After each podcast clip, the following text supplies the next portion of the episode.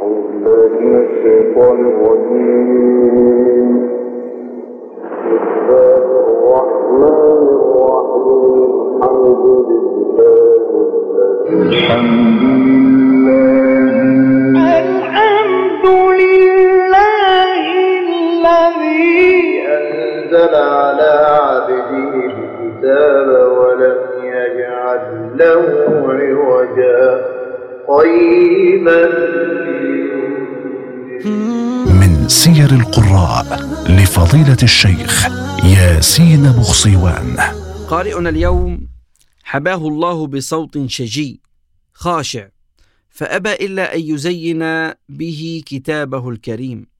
نشأ على حب القرآن وشاب عليه فكان أحد أبرز أعلام مصر المتبحرين في تلاوة القرآن والمجيدين لمختلف القراءات. إنه فضيلة القارئ الشيخ عبد الفتاح الشعشاعي. إن الله يعلم غيب السماوات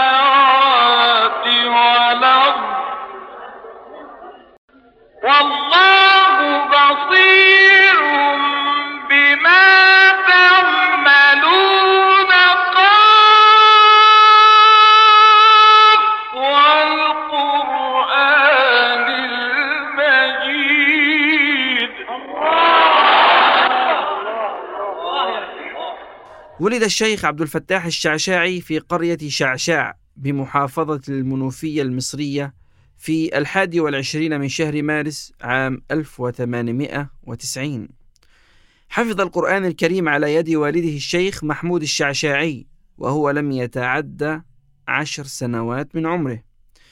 تميز الشيخ عبد الفتاح الشعشاعي منذ صغره بصوته الخاشع في قراءة القرآن غير أن الموهبة لوحدها لا تكفي.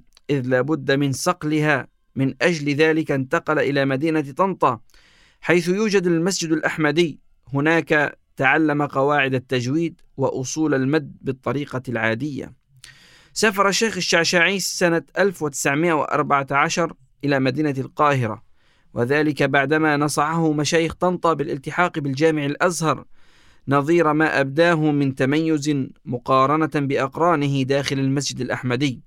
وهناك أكمل مسيرته في التبحر في علوم القراءات حيث تتلمذ على يد الشيخ بيومي والشيخ سبيع.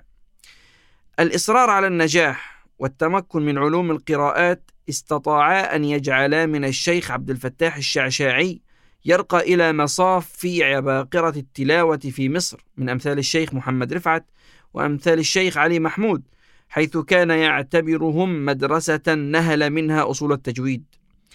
أصبح له مكانة فوق القمة وأصبح له معجبين وتلاميذ منهم الشيخ محمود علي البنا والشيخ أبو العينين شعيشع وغيرهما كثير. كون الشيخ عبد الفتاح الشعشاعي فرقة خاصة للتواشيح الدينية وكان في بطانته الشيخ زكريا أحمد. في عام 1930 تفرغ لتلاوة القرآن الكريم وترك التواشيح الدينية إثر إصابته بمرض في حنجرته. قرأ الشيخ عبد الفتاح الشعشاعي في مأتم سعد باشا زغلول وعدلي باشا ومحمد محمود رؤساء وزراء مصر في ذلك الوقت. التحق بالإذاعة المصرية في عام 1932 رفض بادئ الأمر التلاوة في الميكروفون اعتقادا منه أن تلاوة القرآن في الميكروفون حرام. صدرت فتوى تجيز تلاوة القرآن الكريم في الميكروفون وبدأ بالفعل تسجيل عددا كبيرا من التلاوات للإذاعة. عين الشيخ عبد الفتاح الشعشاعي قارئا للسورة في مسجد السيدة نفيسة رضي الله عنها ومسجد السيدة زينب.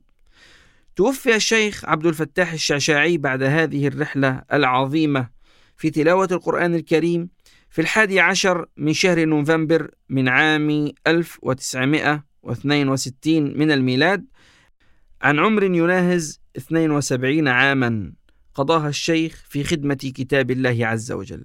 رحم الله فضيلة القارئ الشيخ عبد الفتاح الشعشاعي رحمة واسعة.